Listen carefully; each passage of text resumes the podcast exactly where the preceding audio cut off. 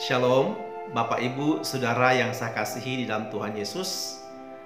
Bersyukur kepada Tuhan, kita masih diberikan kekuatan oleh Tuhan sampai saat ini. Ini semua berkat anugerah dan berkat daripada Tuhan Yesus. Hari ini, mari kita bersama-sama merenungkan bagian firman Tuhan dengan satu tema, Nyamanlah Jiwaku. Mari kita membaca firman Tuhan yang terambil dari kitab Yesaya pasal yang ke-30 ayat yang ke-15 yang berkata, Sebab beginilah firman Tuhan Allah yang Maha Kudus, Allah Israel. Dengan bertobat dan tinggal diam, kamu akan diselamatkan. Dalam tinggal tenang dan percaya terletak kekuatanmu, tetapi kamu enggan. Filipi pasal 4 juga ayat 7 berkata, Damai sejahtera Allah yang melampaui segala akal akan memelihara hati dan pikiranmu dalam Kristus Yesus. Bapak Ibu, saudara-saudaraku yang saya kasih di dalam Tuhan Yesus, pernahkah Bapak Ibu Saudara mengalami kekecewaan, kesedihan, kekalahan, atau kegagalan yang mendorong Bapak Ibu Saudara untuk berdoa dan merenung dengan kusuk? Apakah yang Bapak Ibu lakukan ketika situasi kehidupan ini membuat Bapak Ibu Saudara terpuruk? Bagaimana respon Bapak Ibu Saudara ketika gagal dalam ujian, kehilangan pekerjaan, kehilangan orang yang kita cintai, atau mengalami putus hubungan?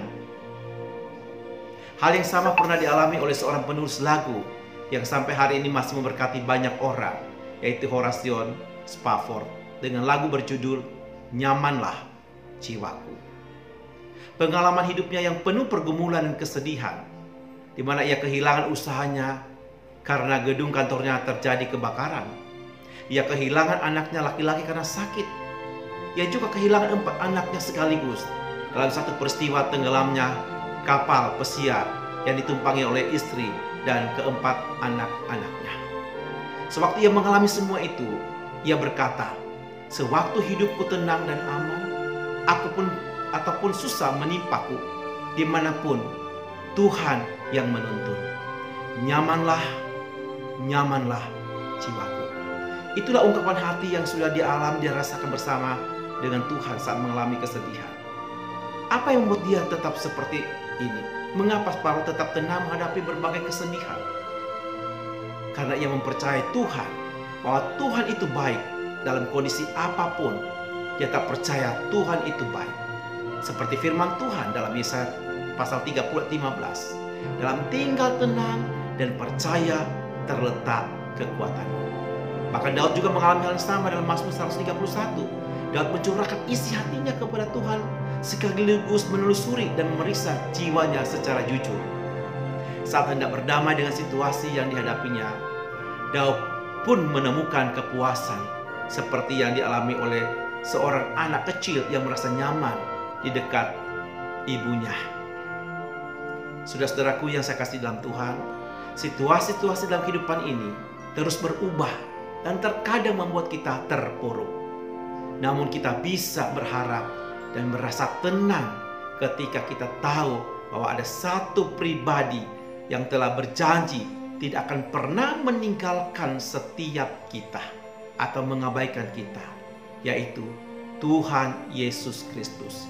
Kita dapat mempercayainya sepenuhnya Damai sejahtera Allah yang melampaui segala akal akan memelihara hati dan pikiranmu dalam Kristus Yesus.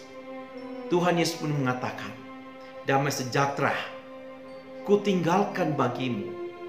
Damai sejahtera ku, ku berikan kepadamu. Dan apa yang ku berikan tidak seperti yang diberikan oleh dunia kepadamu. Janganlah gelisah dan gentar.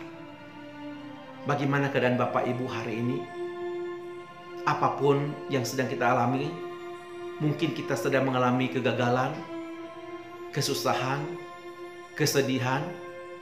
Marilah kita tetap mempercayai satu pribadi yang tidak pernah mengecewakan kita, satu pribadi yang tidak pernah mengabaikan kita, satu pribadi yang tidak pernah tinggalkan kita, yaitu Tuhan Yesus Kristus. Biarlah kita selalu datang kepada Dia biarlah kita senantiasa tetap menaruh pengharapan kita kepada Tuhan. Karena hanya dalam Yesus Kristuslah kita mengalami ketenangan, kenyamanan, sekalipun kondisi keadaan kita tidak begitu baik. Mari kita berdoa. Bapa di sorga, tolonglah kami supaya kami selalu mempercayai Engkau bahwa Engkau adalah satu pribadi yang tidak pernah meninggalkan kami, satu pribadi yang tidak pernah membiarkan kami, tetapi Engkau adalah satu pribadi yang selalu ada bersama kami, memberikan kami ketenangan, kedamaian di dalam situasi kondisi apa pun. Kami merindukan selalu hati kami ini penuh dengan damai, tenang, nyaman bersama dengan Tuhan. Terima kasih Bapak, di dalam nama Tuhan Yesus kami berdoa dan kami mengucap syukur. Amin. Tuhan memberkati.